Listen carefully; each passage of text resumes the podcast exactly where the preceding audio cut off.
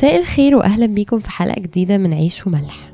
مكملين مع بعض في سفر الجامعة وهنبتدي النهارده الإصحاح الخامس ونتأمل في آية واحد. احفظ قدمك حين تذهب إلى بيت الله فالاستماع أقرب من تقديم ذبيحة الجهال لأنهم لا يبالون بفعل الشر. سليمان الحكيم بيبتدي معانا الإصحاح الخامس بنصيحة عن المعنى الحقيقي للإيمان أو إيه شكل الإيمان اللي مطلوب مننا. بيبتدي بوصفه لإن إحنا وإحنا رايحين بيت ربنا لازم نحفظ قدمينا. وهو سليمان ذكر موضوع القدم ده قبل كده في سفر الأمثال الإصحاح الرابع آية 26 مهد سبيل رجلك فتثبت كل طرقك. لا تمل يمينا ولا يسارا باعد رجلك عن الشر. وفي التفاسير كاتبين إن اليمين هو الذات إن أنا أروح ناحية اليمين. فأتمري بالبر الذاتي واليسار هو الوقوع في عمل الشيطان والخطيه وكأن سليمان بيقول لنا أو يوصف لنا إن إحنا وإحنا رايحين بيت ربنا أو رايحين نقعد في محضر الله اللي هو المفروض المكان الأمان والملجأ والملاذ من العالم وكل الحاجات اللي بتتعبنا فيه لازم ننقي طرقنا وإحنا رايحين. يعني نحاول نبعد عن الخطية والبر الذاتي وإحنا رايحين نقعد في محضر الله. نسيب الحاجات دي ونقعد قدامه بقلب فيه توبة وبقلب فيه اتضاع لأن لو قلبنا رايح فيه ذات مش هنعرف نتفاهم مع ربنا كويس. ولو رايحين بقلب ناوي على الخطية والشر برضو مش هنعرف نفتح قلبنا ونتكلم مع ربنا كويس. فولا نروح بقلب متوجه ناحية اليمين ولا ناحية الشمال لأ. ننقي سبيلنا ننظف رجلينا نخلع حذائنا وإحنا رايحين نقعد في محضر الله أو في بيته. بعدها بيقول فالاستماع أقرب من تقديم ذبيحة الجهال لأنهم لا يبالون بفعل الشر. بيقول إن إحنا نسمع لربنا أحسن بكتير من إن إحنا نقدم ذبيحة الجهال. يعني بس مجرد إن إحنا نقعد نسمع ربنا أحسن من ذبيحة مقدمها شخص جاهل. لأن الناس دي ما بيفرقش معاها تعمل الشر وكده كده ذبيحتهم مش هتتقبل زي ما قرينا كتير قوي في العهد القديم. وزي ما يسوع اتكلم كتير قوي عن الفريسيين إنه صلواتهم وأي حاجة بيعملوها في العلن ما بتتقبلش. فسليمان بيقول إن الاستماع أحسن من الإيمان المش حقيقي زي إيمان الفريسيين. طب يقصد إيه سليمان بالاستماع؟ أو ليه اتكلم على الاستماع بالذات؟ أكيد كلنا عارفين طبعا انه ربنا بيسمع لنا ودي حاجة هو قالها لنا كتير قوي قوي في العهد القديم والجديد. ومن الآيات اللي واضح فيها قوي الموضوع ده هي في سفر أشعية 65 آية 24 ويكون إني قبلما يدعون أنا أجيب وفيما هما يتكلمون بعد أنا سامع. يعني من قبل أصلا ما تقولولي أنا بستجيب ومن قبل ما تتكلموا أنا سامعكم. ربنا قاعد على طول جاهز إن إحنا بس يعني هن... قبل ما نتكلم هو بيكون قاعد ومستني وجاهز يسمعنا. ومأكد لنا على كده كتير قوي في الكتاب المقدس. فسليمان بقى بيطلب مننا إن إحنا كمان نسمعه. لأننا لو ما سمعناهوش هنعرفه إزاي؟ هو قاعد وجاهز إن هو يسمع. بس هل إحنا قاعدين وفاتحين ودننا وجاهزين إن إحنا كمان نسمعه ونتعرف عليه وإحنا داخلين نقعد في محضره ولا جايين متشتتين وحوالينا دوشة كتير ومش قادرين نقعد الحبة دول معاه بهدوء عشان نتعرف عليه أكتر ونفهمه أكتر. بولس الرسول كان نوعا ما بيحذرنا من الموضوع ده أو فهم كويس قوي الموضوع ده في رسالته العبرانيين الإصحاح الأول والتاني. في رسالته العبرانيين في الإصحاح الأول ابتدى يتكلم عن إزاي ربنا كلم الأنبياء قديما بأنواع وطرق كثيرة. بس في الأيام دي بقى بيقول في آية 2 كلمنا في هذه الأيام الأخيرة في ابنه. يعني ربنا كلمنا في يسوع المسيح اللي جه وعاش وسطنا وشفنا كل تصرفاته وشفنا تضحيته الكبيرة وموته عشاننا. اللي بيها ربنا بين لنا قد إيه هو بيحبنا وأظهر نفسه لينا. فبيطلب مننا بقى بولس الرسول في عبرانيين الأول بيوصف فيه يسوع ومجيئه وهو كان عامل إزاي وعمال يوصف فيه في بهاء وجمال يسوع. في بداية الإصحاح التاني في عبرانيين بيقول لنا إيه بقى؟ لذلك يجب أن ننتبه أكثر إلى ما سمعنا لئلا نفوته. بولس بيقول لنا هو كلم الآباء والأنبياء زمان بس بعت لنا إحنا بقى يسوع يسوع اللي هو الكلمة الحية. كلمة الله الحية على الأرض.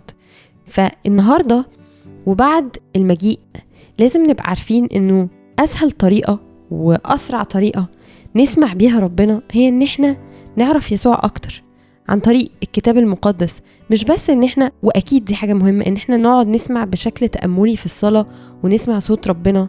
بس ربنا سهل وقصر المسافة علينا إنه بعت لنا الكلمة على الأرض. فبقت الكلمة حية. ما بيننا. شفناه وشفناه وهو بيتكلم وبيتحرك وبيتصرف بيقول إيه وبيعمل إيه. فالاستماع بقى في صورة حية ملموسة مش مجرد طبعا آه، الروح اللي ربنا سايبه جوانا اللي بيكلمنا بيه ودي حاجة موجودة ولازم دايما نستخدمها. بس الاستماع بقى ليه طريقة سهلة وملموسة وأقرب للبشر. في صورة يسوع اللي جه وعاش في وسطنا.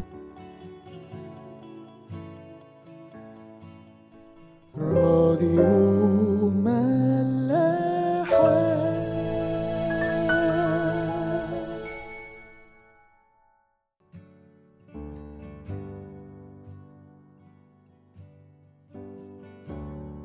الرسول كمان بيحذرنا إن إحنا يجب أن ننتبه أكثر إلى ما سمعنا.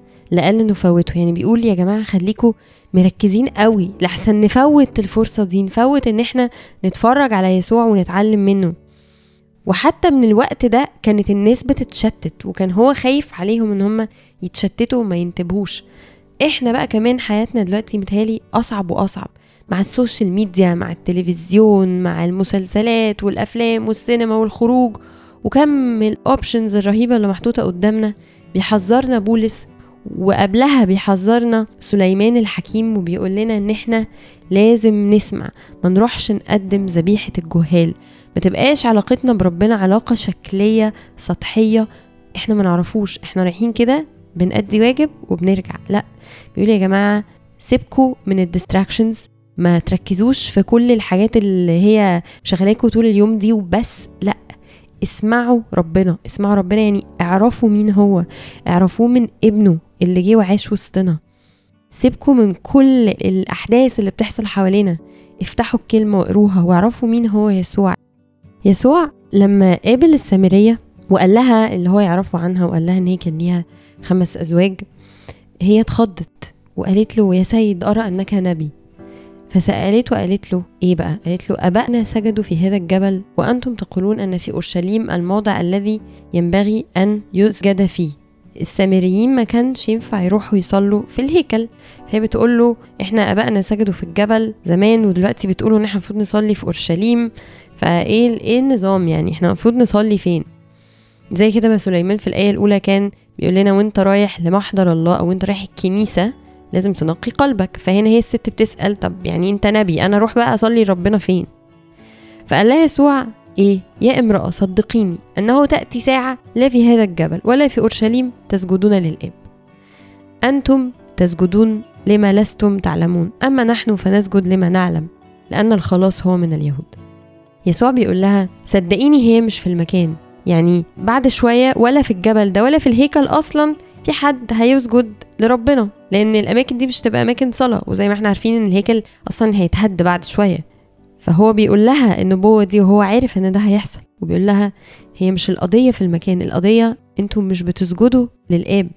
أنتوا يا أهل السامره بتسجدوا للي أنتوا مش عارفينه. هما مش عارفين أصلا ربنا ومش عارفين النبوه ومش عارفين يسوع جاي. أما إحنا فبنسجد للي إحنا عارفينه لأن الخلاص من اليهود. مش قصده هنا إن الخلاص جاي من اليهود لأ هو قصده إن الخلاص من اليهود لأن اليهود هي الناس اللي قاعدة مستنية النبوة ومستنية المجيء. فالفكرة تاني في اللي هو قاله لها هو شبه بالظبط الكلام اللي متقال في الآية بتاعة الجامعة. إن في الآخر أنت آه رايح لبيت الله ما تشغلش بالك بالمكان ما تشغلش بالك أنت رايح فين ما تشغلش بالك أنت هتقابل ربنا فين. أهم حاجة إن هو مكان أنت رايحه وقلبك جاهز إنك تستقبل ربنا. وتاني بقى وأهم نقطة هي إن وأنت رايح خليك عارف أنت رايح تقابل مين. لازم تبقى سامع وعارف أنت رايح تقابل مين. اعرف مين هو يسوع. اعرف مين هو زي ما كان بيقول للسامرية مين هو اللي أنت رايح تعبده ده؟ مش رايح تتكلم مع حد أنت ما تعرفوش. وعمرنا ما هنعرف ربنا من غير ما نسمعه. نسمعه ونعرفه إزاي؟ بكلماته الحية اللي هو بعتها. سهلة وبسيطة. غير كده هنتحول نبقى زي الفريسيين أو الجهال اللي رايحين يعملوا أعمال هما مش فاهمينها ولا حاسين بيها. وأكيد مش هو ده الإيمان اللي أي حد فينا بيدور عليه ولا هو ده شكل العلاقة اللي إحنا عايزين نكون فيها مع ربنا. عايزة أختم معاكم الحلقة بآيات من إنجيل يوحنا الإصحاح الرابع. يسوع كان ماشي في الهيكل فاليهود جم ووقفوا حواليه وبيقولوا له إلى متى تعلق أنفسنا؟ إن كنت أنت المسيح فقل لنا جهرا. أجابهم يسوع إني قلت لكم ولستم تؤمنون. الأعمال التي أنا أعملها باسم أبي هي تشهد لي ولكنكم لستم تؤمنون لأنكم لستم من خرافي كما قلت لكم.